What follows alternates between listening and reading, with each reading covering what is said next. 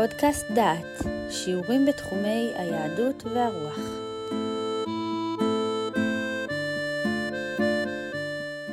אהוד בן גירה, שופטים פרק ג' הסיפור הקצר המסופר על אהוד בן גירה כולל 21 פסוקים בסך הכל, ויש בו כל הסממנים של תיאור חטא, עונש, ישועה, נחישות החלטתו של השופט ואחריותו לעמו, תכסיסי מלחמה וניצחון. מצבם של ישראל ויוסיפו בני ישראל לעשות הרע בעיני אדוני, ויחזק אדוני את עגלון מלך מואב על ישראל, על כי עשו את הרע בעיני אדוני. הפתיחה מתאימה לגישה ההיסטוריוסופית של ספר שופטים. הרע לישראל נובע ממעשיהם הרעים. השם הוא המחזק את המלך המציק להם, הוא המשלח בהם את עגלון מלך מואב. מהלך ההיסטוריה מוכתב מלמעלה, והוא תוצאה של מעשי האדם. ויאסוף אליו את בני עמון ועמלק, וילך ויח את ישראל, וירשו את עיר התמרים. ויעבדו בני ישראל את עגלון מלך מואב שמונה עשרה שנה. שני השלבים מוכרים לנו, החטא והעונש. מואב סוחר חיילים מעמים אחרים, עמון ששכן מצפונו, מעמלק שבטי שודדים שגרו במדבר סיני, בפארן ובנגב המערבי, ולעיתים עברו צפונה עד למדבריות הגובלות עם מואב. שלושה עמים אלה מכים בהדרגה את שבטי ישראל הסמוכים לשטח מואב, ולבסוף אף משתלטים על עיר התמרים. עיר התמרים היא יריחו. זאת אנו יודעים מהפסוק בספר דברים, בקעת יריחו עיר התמרים. אנו זוכרים את מעמדה של יריחו, שחז"ל הגדירו אותה בריחה, הבריח של ארץ ישראל. יריחו היא עיר מפתח, ומי ששולט ביריחו שולט על הכניסה לארץ. הסיבה היא כי יריחו היא צומת דרכים. מי שרוצה ללכת מדרום הארץ לצפונה, איננו יכול ללכת על גב ההר, כי הדרכים שם קשות, הוא יורד ליריחו והולך לאורך בקעת הירדן. אם כן, שליטה ביריחו היא שליטה בדרכים של ארץ ישראל. השתלטות האויב על יריחו היא מכה קשה לשבטי ישראל במערב הירדן. ואומנם, הלחץ עובר גם לשבטים השוכנים בעבר הירדן המערבי. השבטים הסובלים מהשתלטות זו הם השבטים השוכנים קרוב לגבול מואב. ראובן וגד, ששכנו בעבר הירדן המזרחי, ובנימין ואפרים, ששכנו מולם בעבר הירדן המערבי. תקופת השעבוד ארוכה, 18 שנה מעלים שבטים אלה מס למלך מואב. ועכשיו אנחנו מגיעים לשלב השלישי, לשלב התשובה. ויזעקו בני ישראל אל אדוני, ויקם אדוני להם את אהוד בן גרה בן הימיני, איש איתר יד ימינו. וישלחו בני ישראל בידו מנחה לעגלון מלך מואב. לאחר התשובה מתקרבת הישועה באמצעות אישיותו של אהוד. מיהו אהוד בן גרה? אנו שומעים על אהוד כמה פרטים שרק בהמשך הסיפור יתברר כמה הם חשובים. אהוד הוא איתר יד ימינו, הוא, הוא שמאלי. הוא משתמש ביד שמאל במקום ביד ימין. מכאן שהוא משתמש בחרב בידו השמאלית ולא בימנית ככל לוחם. אהוד הוא זה שנבחר להביא מנחה לעגלון מלך מואב. סמל השעבוד של ישראל הוא הבאת המנחה לעגלון, ואת התפקיד הזה ממלא אהוד. אפשר להניח כי עגלון מלך מואב רואה באהוד אדם שהשלים עם שלטון מואב, והוא מסמל את הקשר בין העם השולט לעם הנשלט. הוא המשת"פ של מואב בקרב ישראל. אבל אהוד עושה משהו נוסף. הוא לא רק מוביל את המנחה. ויעש לו אהוד חרב ולה שני פיות, גומד אורכה. ויחגור אותה מתחת למדיו על ירך ימינו. ויקרב את המנחה לעגלון מלך מואב, ועגלון איש בריא מאוד, בריא שמן.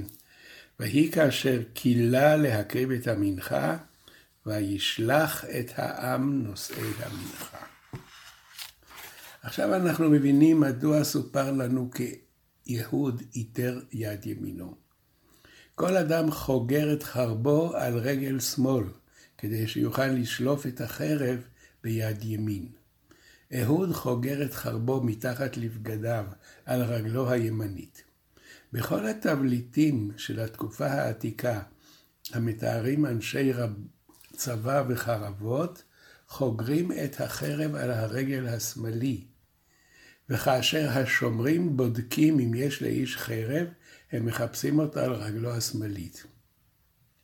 אהוד חגר את החרב על רגלו הימנית, ולכן לא מצאו אותה השומרים.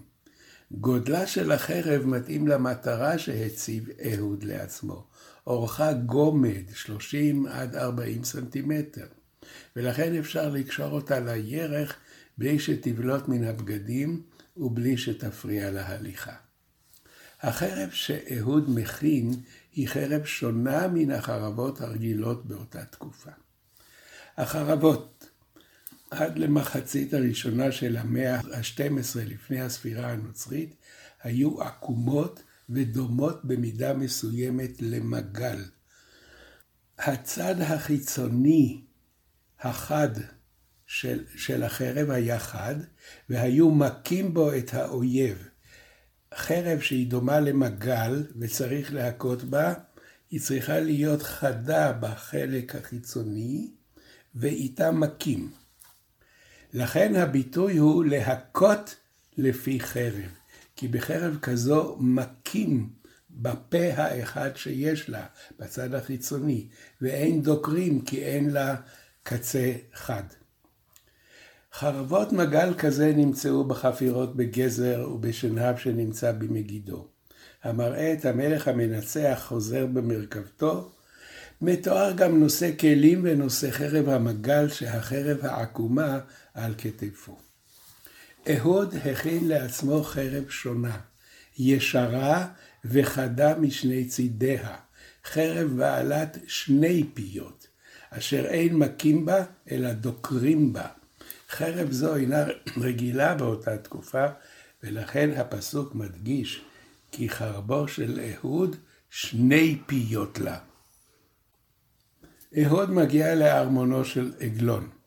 הפסוק אינו מסביר לנו היכן היה הארמון, והוא מגיש את המנחה.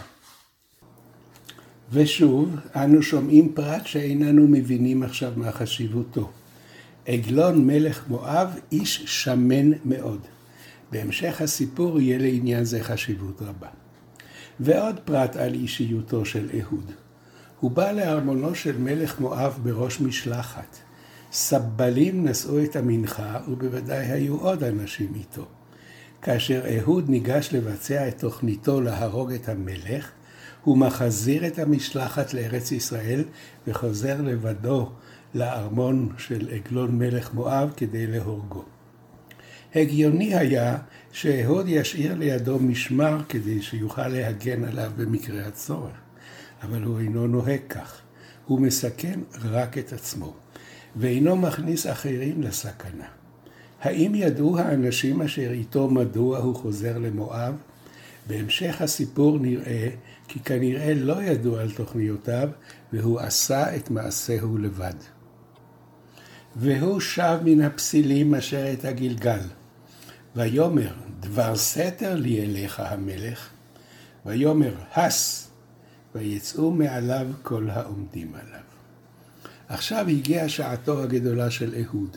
הוא נמצא לבד עם המלך, ולרגלו חגורה החרב. אבל הקושי שעל אהוד להתגבר עליו אינו רק כיצד להרוג את המלך, אלא גם כיצד להימלט וכיצד להפוך את מותו של המלך לנקודת מפנה שתהפוך את יחסי הכוחות ותאפשר לישראל לנצח את צבא מואב.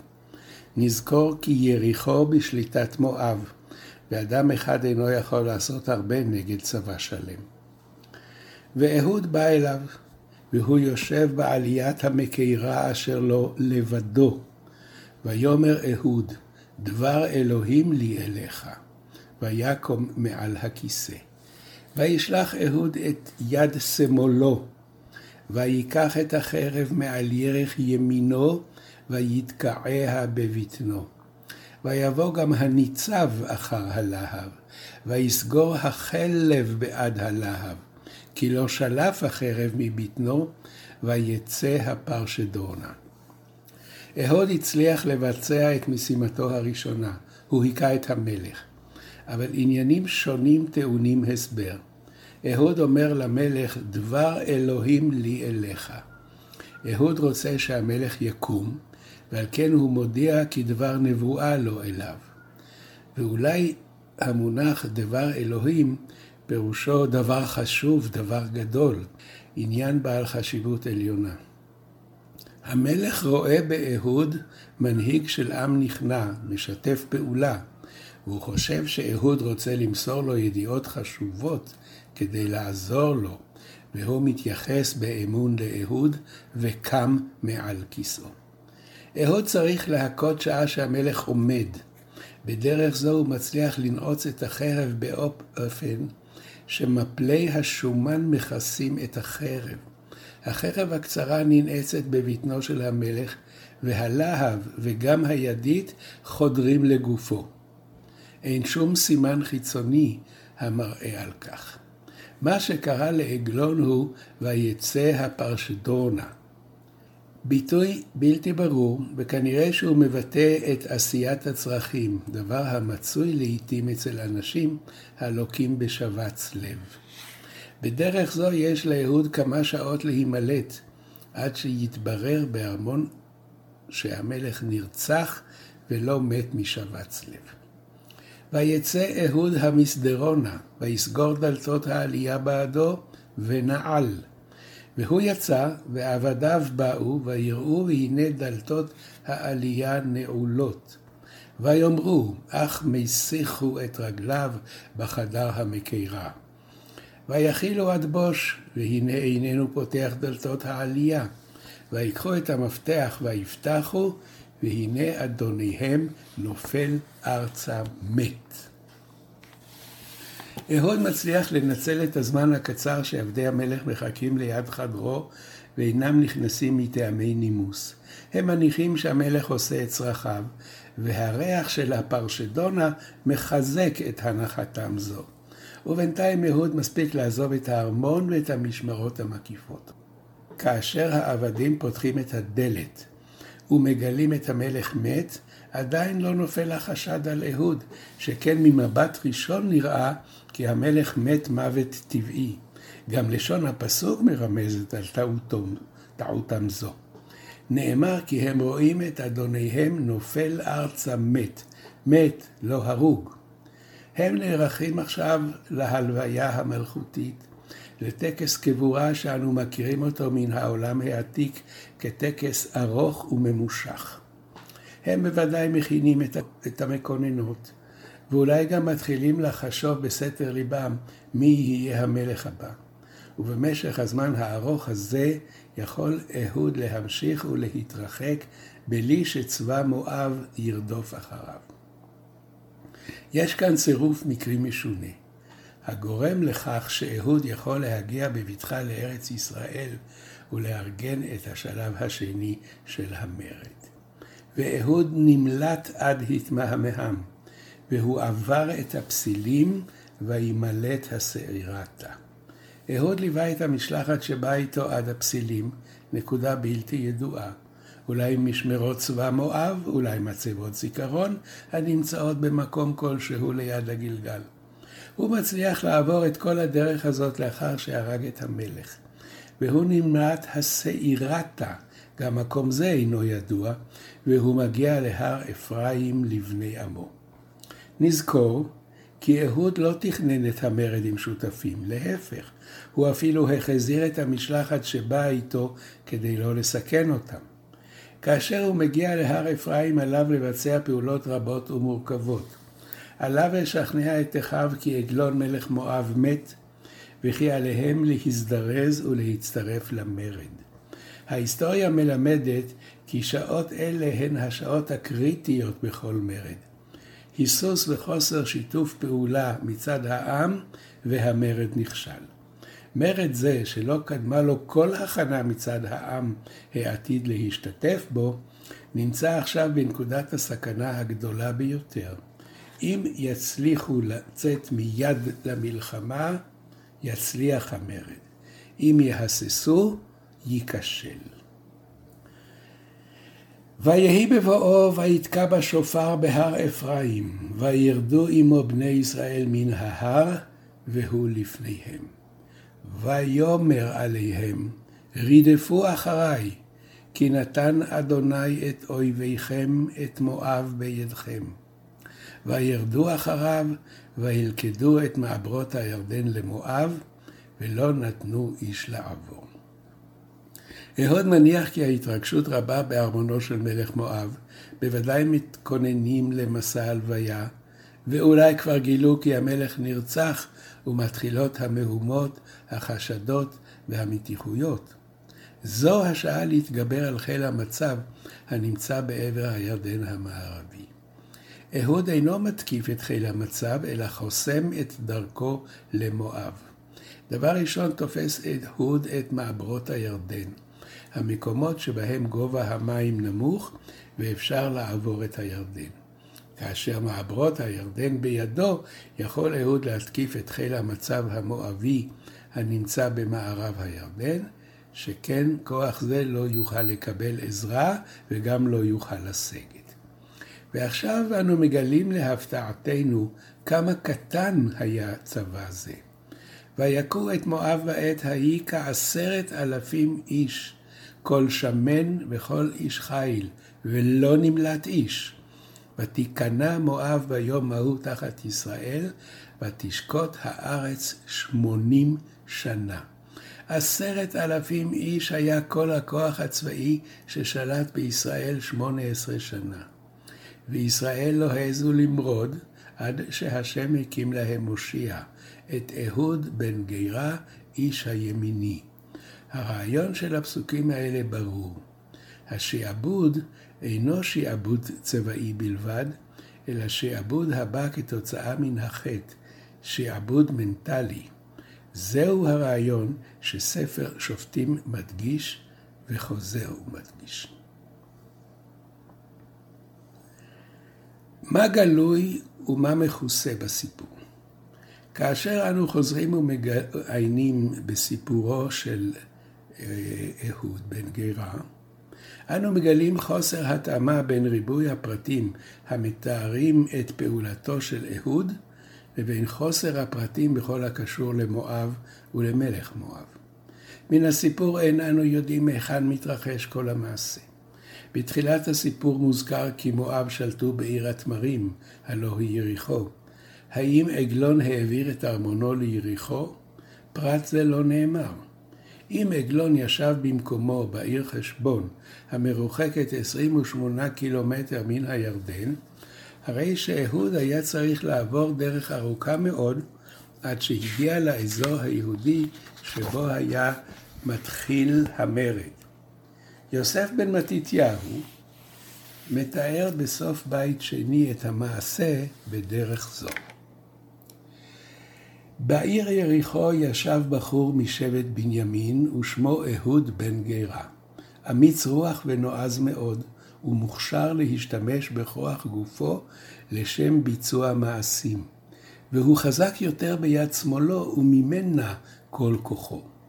והוא נעשה ידיד לעגלון, שכן היה מתרפס לפניו ומחניף לו במתנות. וכך קנה גם את ידידותם של האנשים הסובבים את המלך. ופעם בא בלוויית שני עבדים, והביא מתנות למלך, ונכנס אצלו, והוא חגור בסתר חרב קטנה למותנו הימני.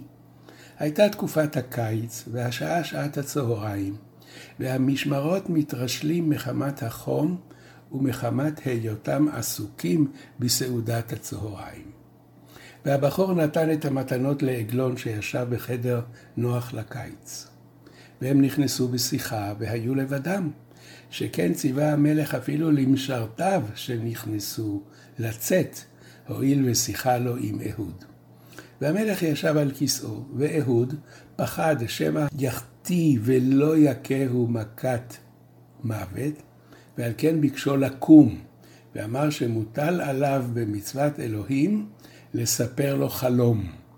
והלה ירד מכיסאו מתוך שמחה על סיפור החלום, ואהוד היכהו בליבו. והשאיר את החרב הקטנה בתוכו, ויצא והגיף את הדלת אחריו. ואילו המשרתים ישבו בשקט, כי סבורים היו שהמלך שרוי בשינה. עד כאן תיאורו של יוסף בן מתתיהו. מהתיאור של יוסף בן מתתיהו אנחנו רואים שהוא התלבט באותן בעיות שאנו מתלבטים בהן. היכן היה המעשה? כמה אנשים היו עם אהוד? מדוע אמר אהוד למלך לקום? ליוסף בן מתתיהו פתרונות משלו, ומובן שאיננו חייבים לקבל דווקא את השערותיו. כאשר אנו בודקים את תיאור הקרב, אנו מוצאים אותו קצר, בלי שום יחס ליתר חלקי הסיפור. הנה תיאור הקרב. ויהי בבואו, ויתקע בשופר בהר אפרים, וירדו עמו בני ישראל מן ההר והוא לפניהם, וירדו אחריו, וילכדו את מעברות הירדן למואב, ולא נתנו איש לעבור. כמה לוחמים הלכו אחרי אהוד? אילו ממעברות הירדן הם תפסו? האם היו נפגעים לשבטי ישראל? כמה נפגעו? כל השאלות האלה נשארות ללא תשובה. מדוע? האם אין חשיבות לפרטי הקרב? הרי בקרבות רגיל שבמקרא יש תיאור מלא של כל הקרב, של מספר ההרוגים, של השלל. ואילו כאן יש רק דבר אחד חשוב, הדרך שבה הצליח אהוד להרוג את עגלון מלך מואב עם החרב הישרה. כל השאר חסר חשיבות. נוכל להבין את המבנה המיוחד של הפרשה אם נחזור ונקרא את הפסוקים הראשונים, את הכותרת שהמקרא נותן לסיפור לפני שהוא מביא את פרטי הפרשה. ויזעקו בני ישראל אל אדוני, ויקם אדוני להם מושיע את אהוד בן גרה בן הימיני. זוהי המסגרת הפילוסופית שספר שופטים מדגיש לאורך כל הספר. וזה מה שהפרשה רוצה לומר, ויקם אדוני להם מושיע. כיצד פעל המושיע? את זאת מתארת הפרשה. כל השאר אינו חשוב. כל השאר הוא רקע למעשה החשוב האחד. השם הקים מושיע לישראל.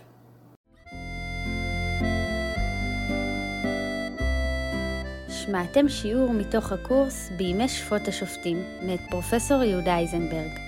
את הקורס המלא ניתן לשמוע באתר דעת במדור פודקאסט.